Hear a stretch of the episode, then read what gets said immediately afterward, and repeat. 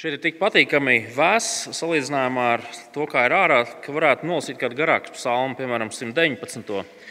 Tā mēs nedarīsim, nebaidieties.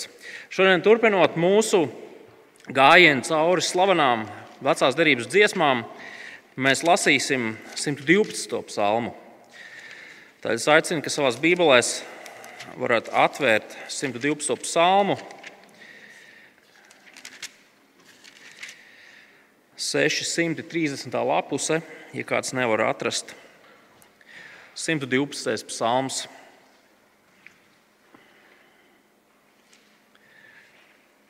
Mēs lasām, slavējiet kungu, svētīts vīrs, kas bīstas kunga, kam tīk viņa baušļi.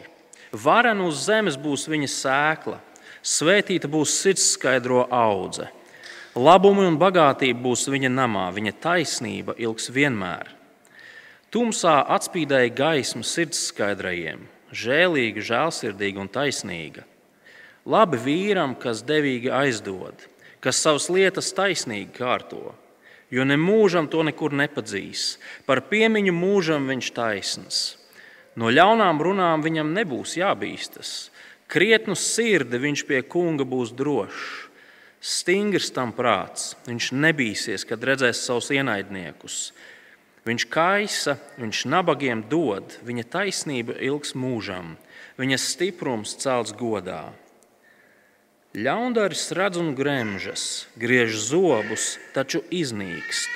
Ko ļaundari kāro, tas nenotiks. Tas ir Dieva vārds. Amen.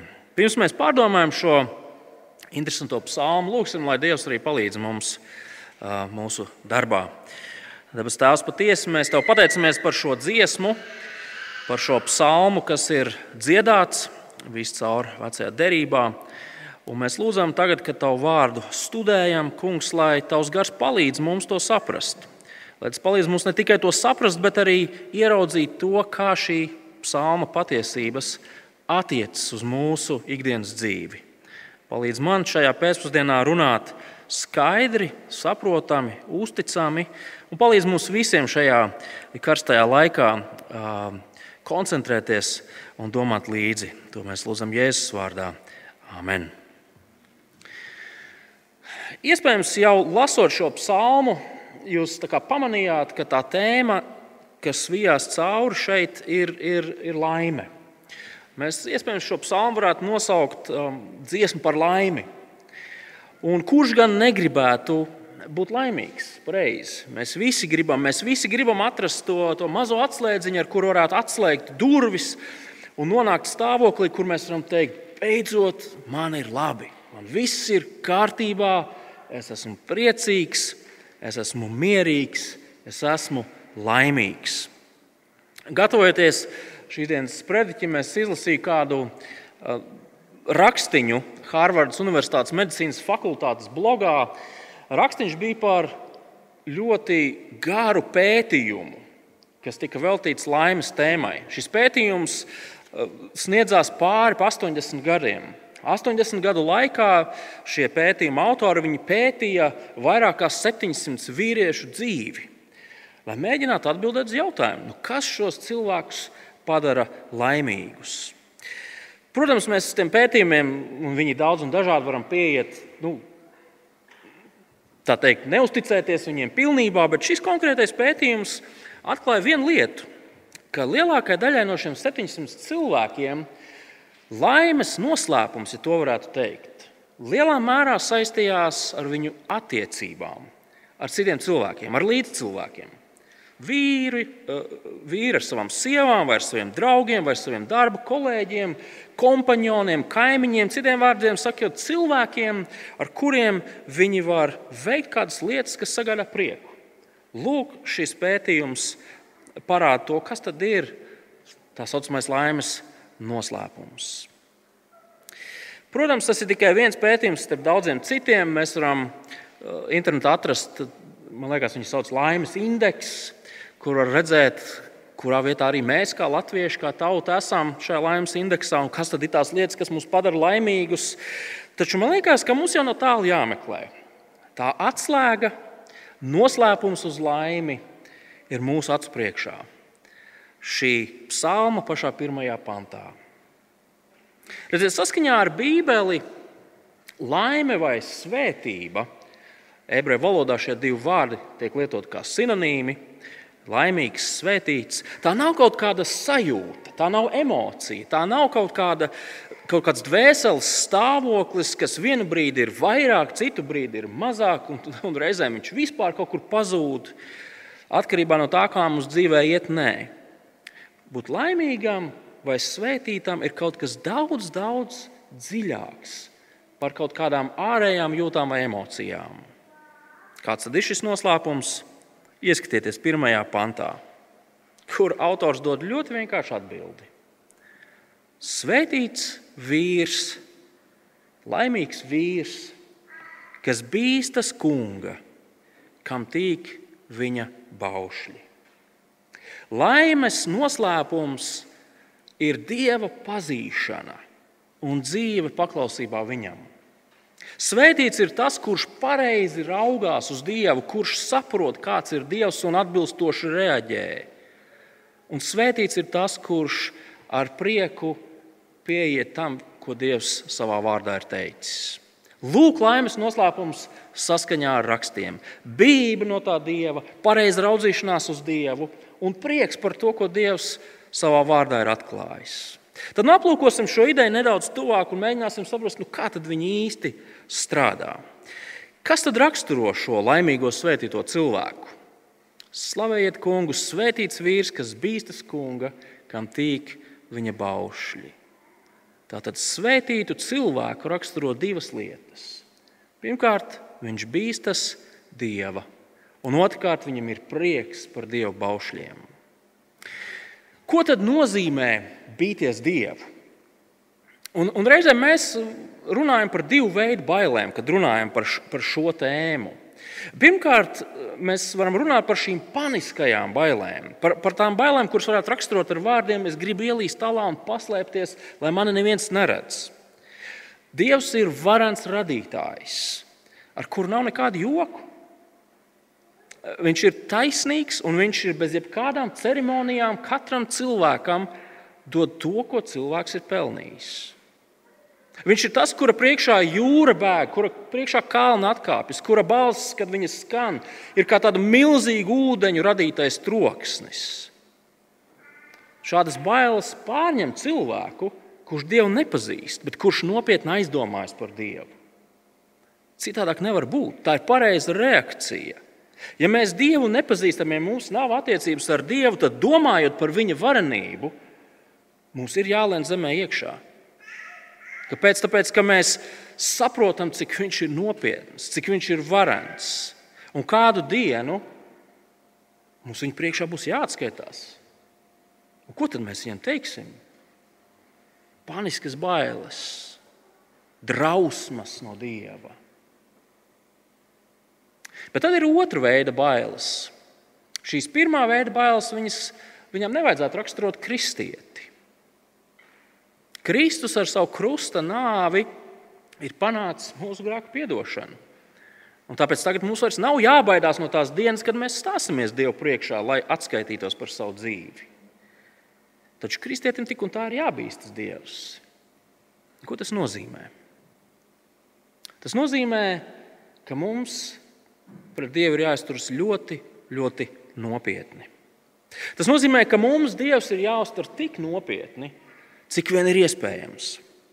Viņš ir galvenais. Tas, ko viņš ir pateicis, tā reāli arī ir.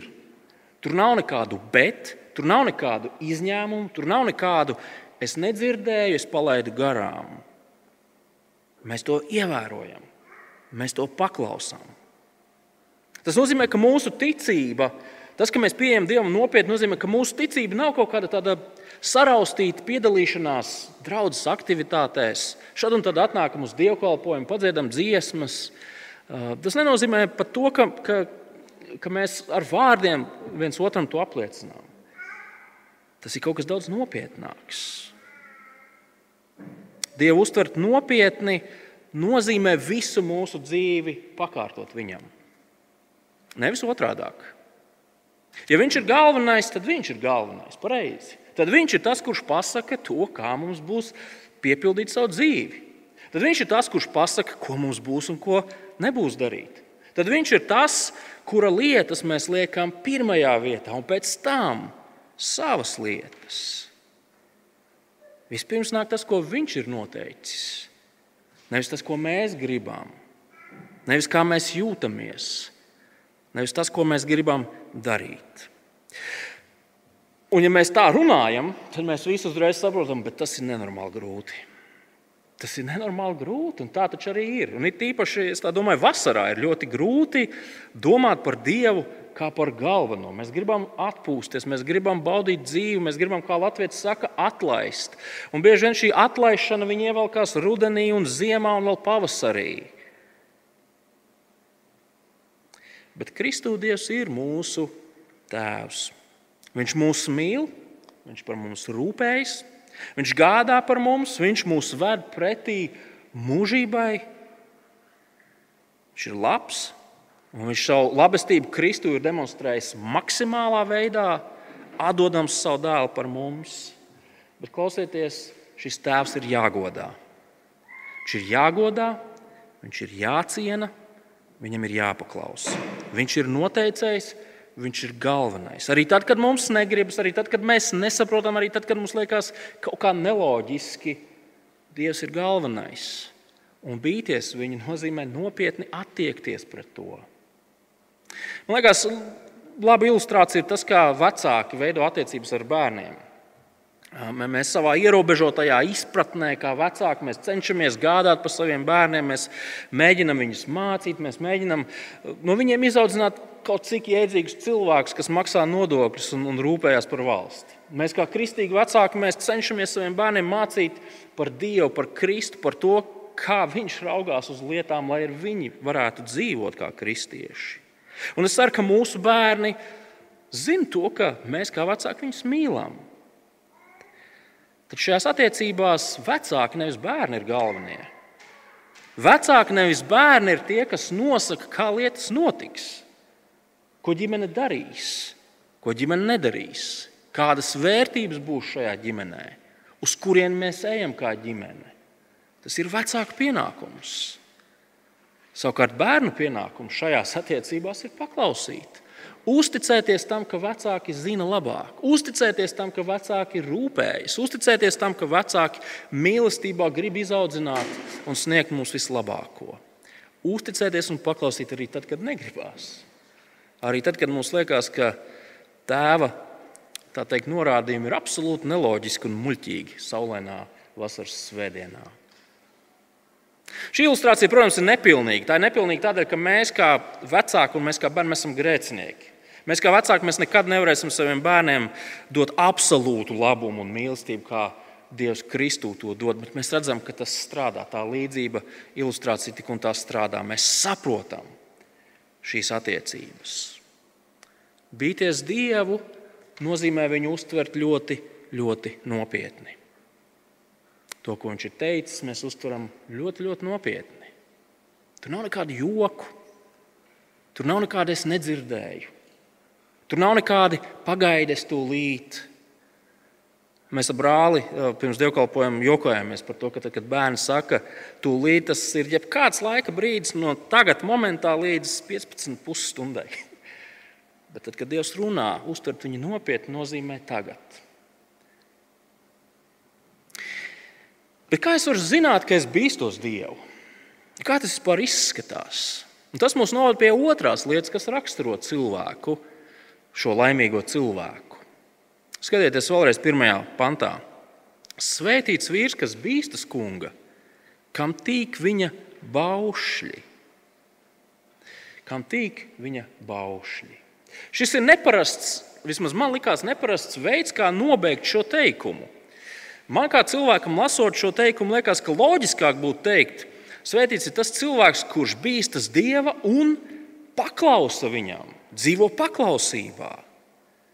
Taču šeit interesanti, bet autors saka, ka svētīts ir tas, kurš bīstas Dievu un kuram ir prieks par Dievu pavēlēm, par Dievu vārdu, par Dievu baušļiem. Un tas savukārt norāda, ka šeit ir runa par kaut ko daudz dziļāku nekā tikai tādu āršķirīgu paklausību. Um, mēs varam ļoti viegli paklausīt cilvēkiem, kas mums kaut ko pavēl darīt, arī tad, kad mēs negribam. Mūsu tautas vēsture ir pilna ar šādiem piemēriem. Padomu laikos mēs daudz darījām lietas, kuras mēs negribējām. Mēs darījām, un tiklīdz Padomju Savienība sabruka, mēs nekad vairs pie tām lietām neatgriezāmies, tāpēc ka mēs zinām, ka tas ir muļķīgas un sliktas lietas. Mēs paklausām, mēs varam paklausīt, bet patiesībā ilgoties pēc tā, lai mums nebūtu jāpaklausa. Mēs ilgojamies pēc brīža, kad mēs beidzot būsim vieni, lai varētu darīt to, kas mums ir jādara. Nevis kas ir jādara, bet ko mēs paši gribam darīt. Un patiesība ir tāda, ka šis psalms runā par kaut ko citu. Redziet, kristieša sirds ir mainīta. Kristiešu prāts ir mainīts. Atcerieties, mēs pavasarī gājām cauri Pāvila vēstulē romiešiem, kur Pāvils runāja par to, ka tagad kristiešos svētais gars ir izmainījis mūsu sirdi, izmainījis mūsu domāšanu.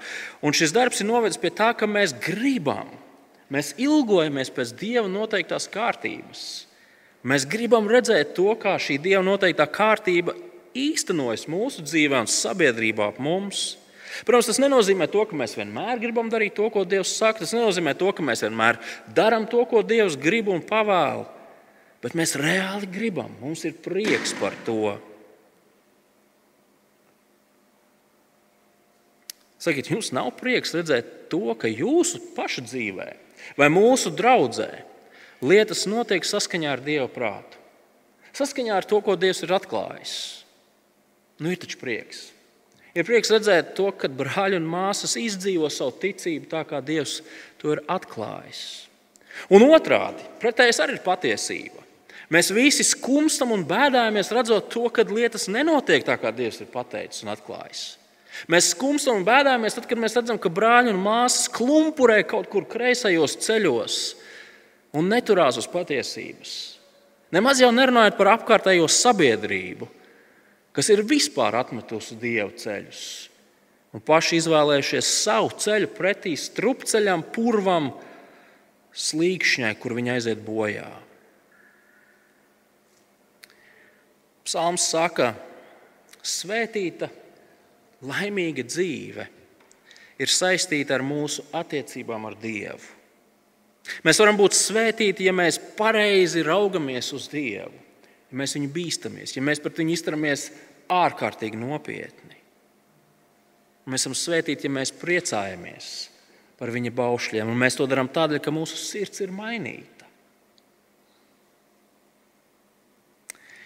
Bet tas mums novada pie kāda svarīga jautājuma, bet to mēs varam saprast. Kā tas izskatās dzīvē? Kā izskatās dzīvē tas, ka mēs reāli bīstamies Dievu, ka mums patīk viņa baušļi?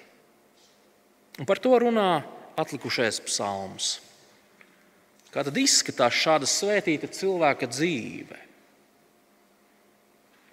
Ja jūs uz ielas jautātu cilvēkiem, nu, tādu standarta jautājumu, nu, ar ko saistās laime, kā tā izpaužās, tad droši vien jūs saņemtu tās klasiskās pareizās atbildes. Nauda, manta, ģimene, ceļojumi, kaut kāda sapņu piepildīšanās, veselība. Pareiz, tās ir tās pareizās sabiedrības atbildes uz jautājumu, kas mūs padara laimīgus.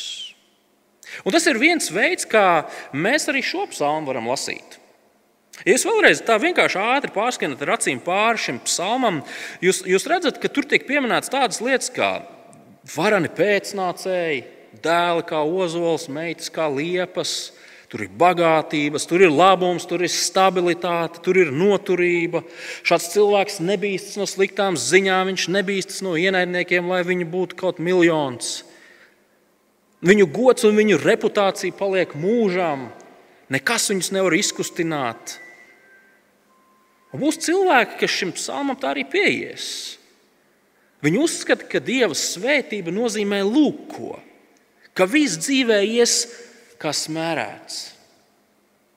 Tā teikt, dzīvosim nedaudz virs vidējā um, ienākuma līmeņa, kaut kur aizbrauksim, būsim veseli, priecīgi un iesim cauri dzīvē kā uzvarētāji.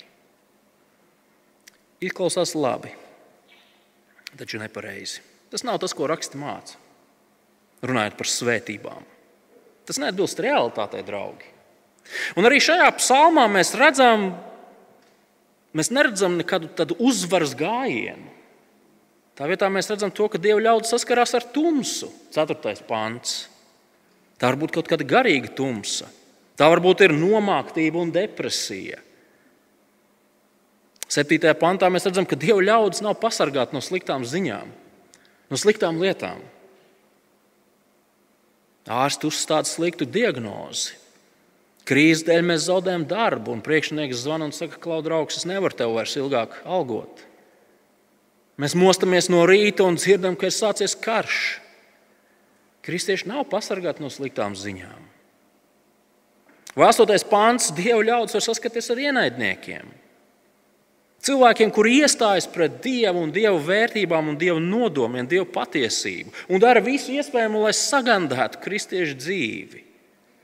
Šī psalma autors ir realists. Viņš zina, kādā pasaulē viņš dzīvo, un viņš zina to, kāda cilvēka veido šīs pasaules sabiedrību. Bet ko tad nozīmē un kā izskatās šī svētītā cilvēka dzīve realitātē?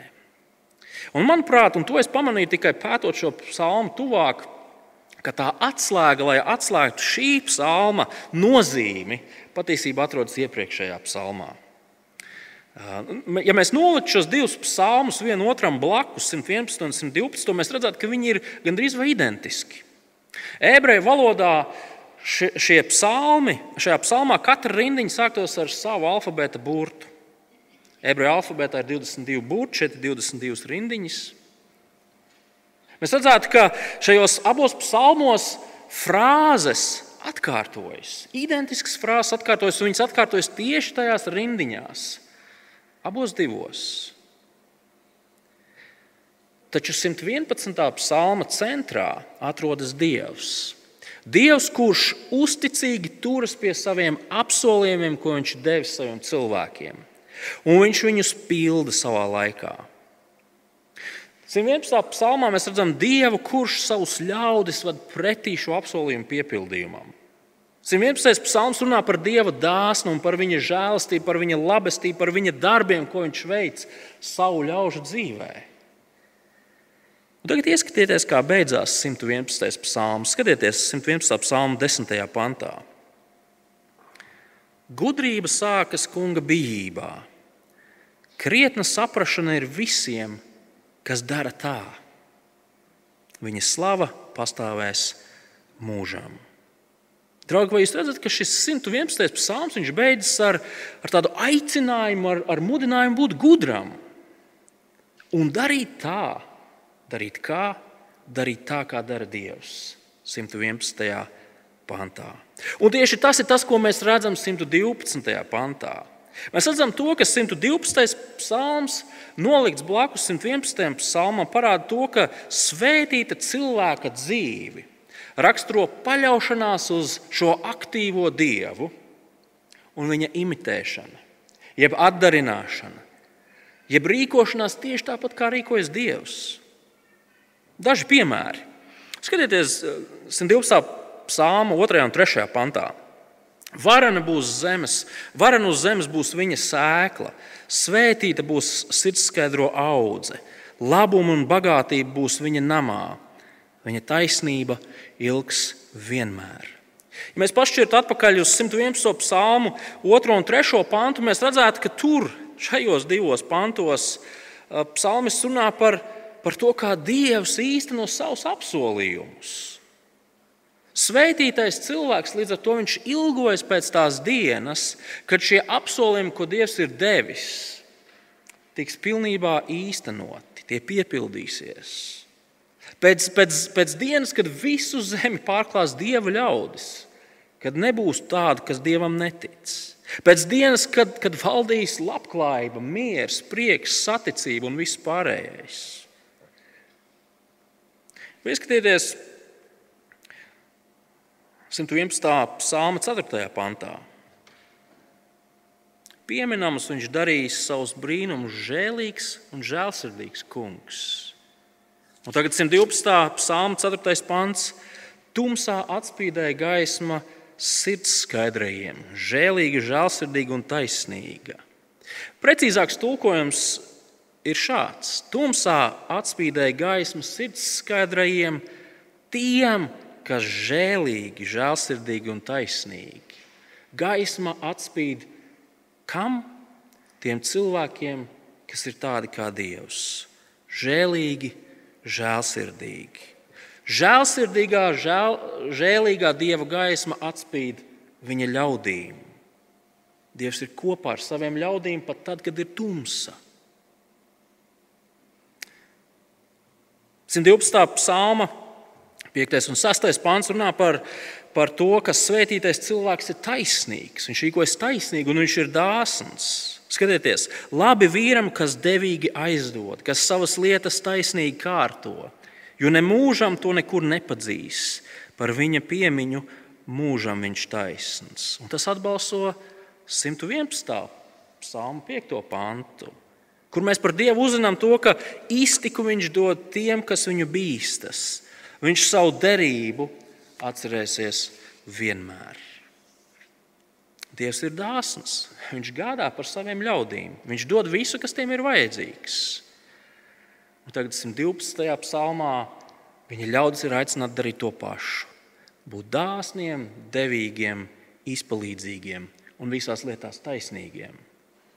112. psalms, 7. un 8. pāns runā par sliktām ziņām, par ienaidniekiem. No ļaunām runām viņam nebūs jābīstas. Krietnu sirdi viņš pie kunga būs drošs. Stingrs tam prāts, viņš nebīsies, kad redzēs savus naidniekus. 111. psalmā paralēlējos pantos mēs lasām par to, ka Dievam var uzticēties. Viņš savus labos un pilnīgos nodomus īstenos, lai tur vai kas. Lai kādas arī nebūtu ziņas, lai kāda arī nebūtu ienaidnieki, Dievs iet uz priekšu ar saviem nodomiem. Un tāpēc svētītais cilvēks var nebaidīties no sliktām ziņām. Viņš var nebaidīties no ienaidniekiem, tāpēc ka viņa Dievs darbojās par spīti sliktām ziņām un par spīti ienaidniekiem. Visbeidzot, 111. psalma 9. pāns runā par to, ka Dievs ir izpircis savu tautu.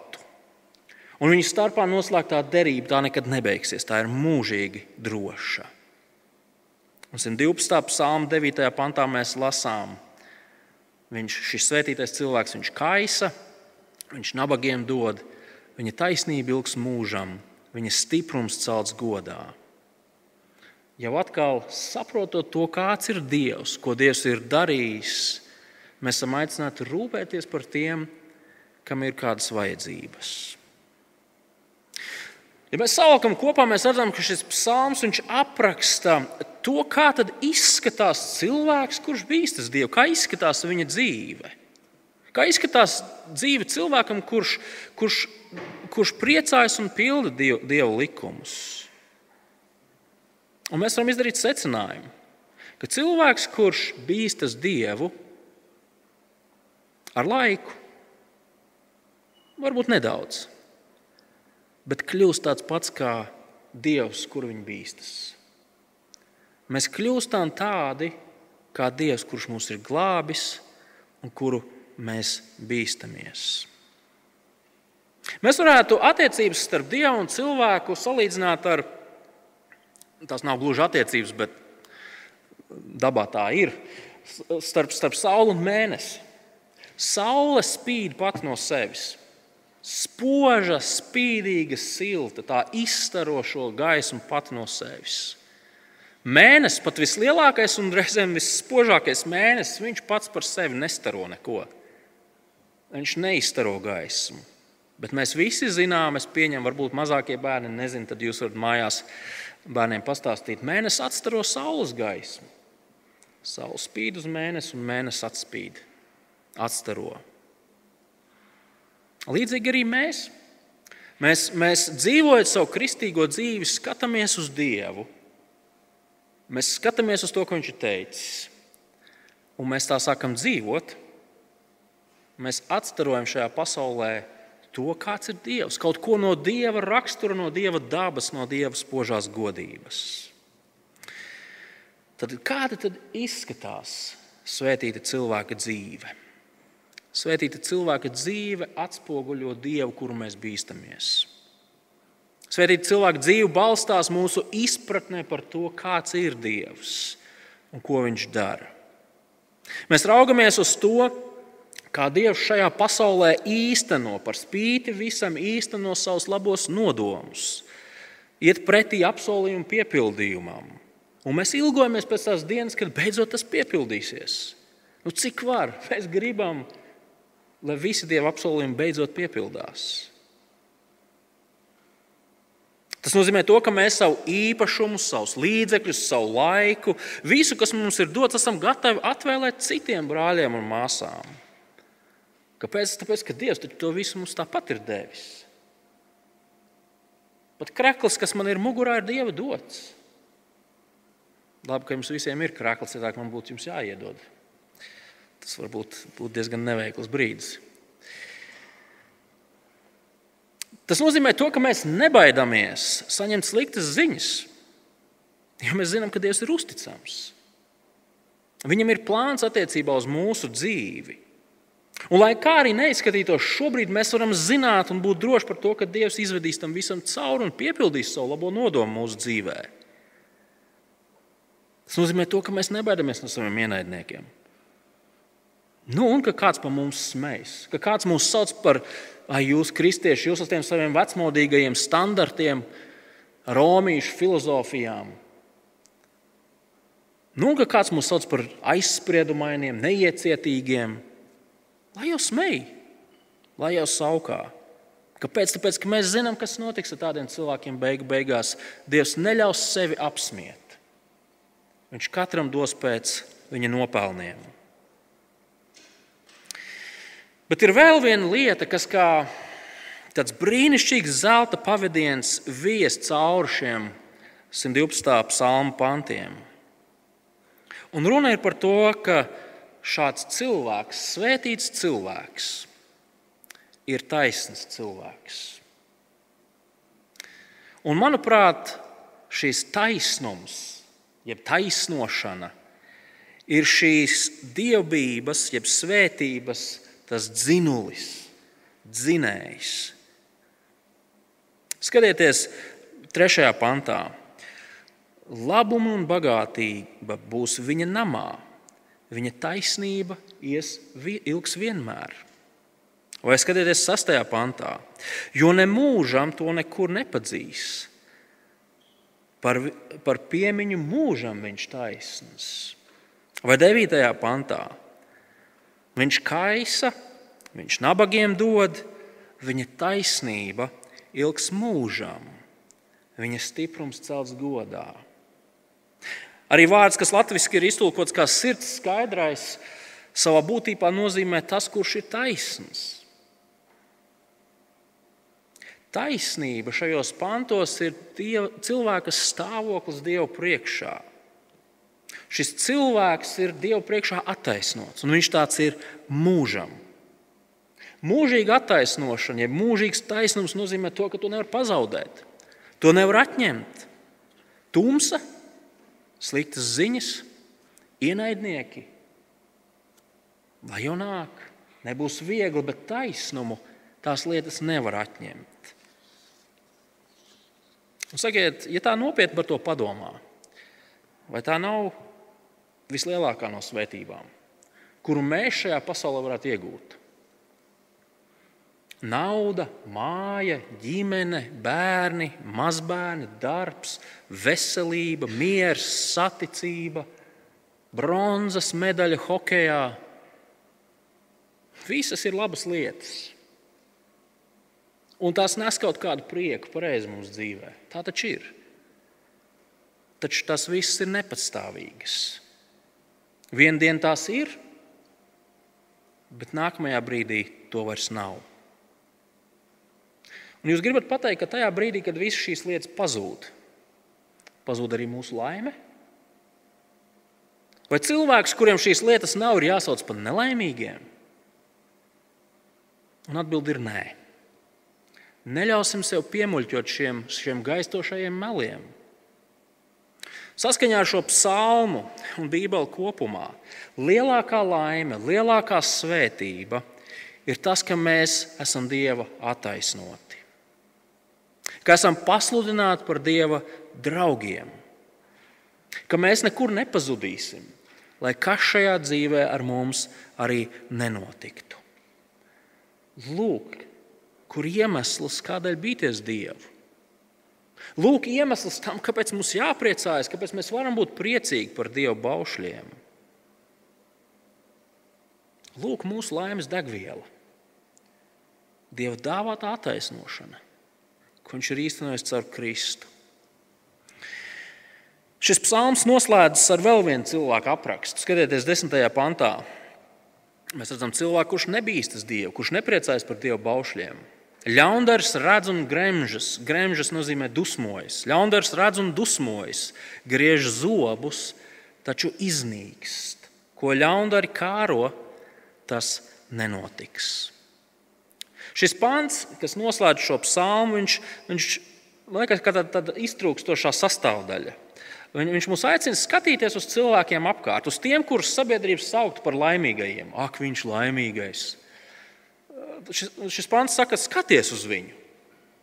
Un zini to, ka bez dieva viņš ies pazušanā. Viņš ir vēl pazudījis. Viņam var būt jebkas, viņš var būt miljardieris ar visu dzīvē sasniegtu, laimīgu ģimeni un tā tālāk. Tā projām. Bet kādien viņš nomirs? Un viņš stāsies Dievu priekšā un saņems taisnīgu sodu. Vai tu tiešām gribi apskaust tādu cilvēku? Nevajag apskaust ļaundari. Beigu beigās tas, pēc kā viņš ilgojas, un tas, pēc kā viņš kāro un dzenas, nekas no tā nenotiks. Un tādēļ, draugi, savalkot lietas kopā, šis psalms mūs mudina dzīvot šo dzīvi, bīstoties Dievu uztversim Dievu ārkārtīgi nopietni. Mēs zinām, kāds Viņš ir. Viņš ir varants Dievs. Viņš īsteno to, ko Viņš grib. Viņam ir brīnišķīgs nodoms šai pasaulē. Viņš izpērk savus ļaudis un gādā par to, lai viņa ļaudis aizietu līdz galam. Viņš ir paredzējis saviem ļaudīm brīnišķīgus apsolījumus. Jā, Dievs ir paredzējis saviem ļaudīm dzīvot mūžīgi, bez slimībām, bez nāves, bez kariem, bez bada, bez asarām, bez bēdām, bez salauztām sirdīm. To Dievs ir apsolījis saviem ļaudīm. Un kādu dienu Viņš to dos saviem ļaudīm. Un tādēļ līdz tai dienai mēs esam aicināti bīties Dievu un audzināt sevi arī tādu pareizu attieksmi pret to, ko Viņš ir teicis. Trenēsimies darīt dieva baušus ar priecīgu sirdi, ar priecīgu attieksmi. Un prieks rodas tur, kur ir pateicība, kur ir izpratne par to, ko Dievs mums gal galā ir devis. Mūžīga taisnošana. Nekas nevar atņemt mūsu taisnumu. Un tādēļ mēs varam būt tādi, kāds ir mūsu Dievs. Nobeigumā ieklausieties tajā, ko raksta Pēters savā otrajā vēstulē. Šie, manuprāt, šie panti brīnišķīgi savalk kopā un iedod tādu tā papildus enerģiju tam, ko šis, šis psalms ir teicis. Pētera otrā vēstule, pirmā nodaļa, 3 un 4 pants. Viņa dievišķais spēks mums ir dāvājis visu mūsu dzīvībai un dievbijībai vajadzīgo. Caur to, ka esam iepazinuši viņu, kas mūs ir aicinājis ar savu godību un labestību Tālāk mums ir dāvāti dārgi un diženi apsolījumi, lai jūs kļūtu dievišķās dabas līdzmantinieki, izbēguši no iznīcības, kas ir pasaulē kārību dēļ.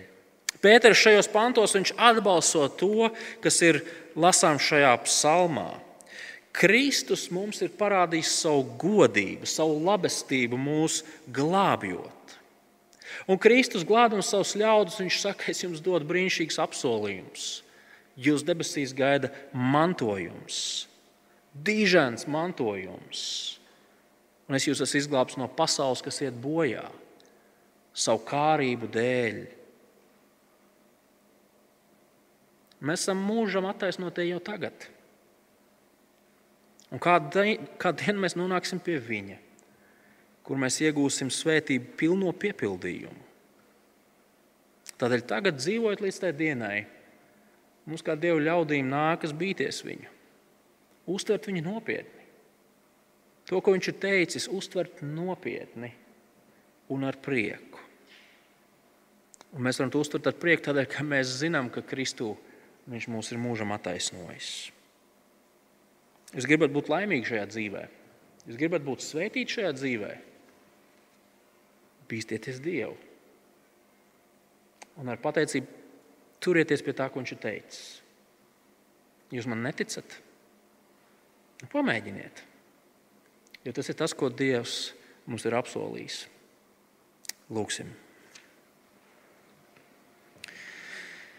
Tāpēc tās mēs patiesi tev pateicamies, ka Kristū mums ir dota grēku piedošana, Kristū mums ir doti grandiozi apsolījumi, kas ir reāli apsolījumi, nevis kaut kādas pasaku pilis debesu manas mākoņos. Un tās vienlaikus mēs atzīstam, ka mēs esam vāji ļaudis mūs vilina un velk daudz dažādas lietas šajā pasaulē. Mums liekas, ka tieši šajās lietās mēs iegūsim īsto laimi, to, kas mūs iepriecinās. Pasargi mūs no tā tēvs. Palīdz, kungs, ka mēs varētu savas dienas dzīvot, bīstoties tevi, uztverot tevi nopietni, redzot to, kāds tu patiesībā esi un cik daudz tu mums esi devis. Un tad sapratuši to, ar prieku turēties pie tā, ko tu esi mums mācījis. Sekojot tev, un jo dienas jau vairāk kļūstot līdzīgāki tev, mūsu labais un varenais debes tēvs. To visu mēs lūdzam Jēzus vārdā.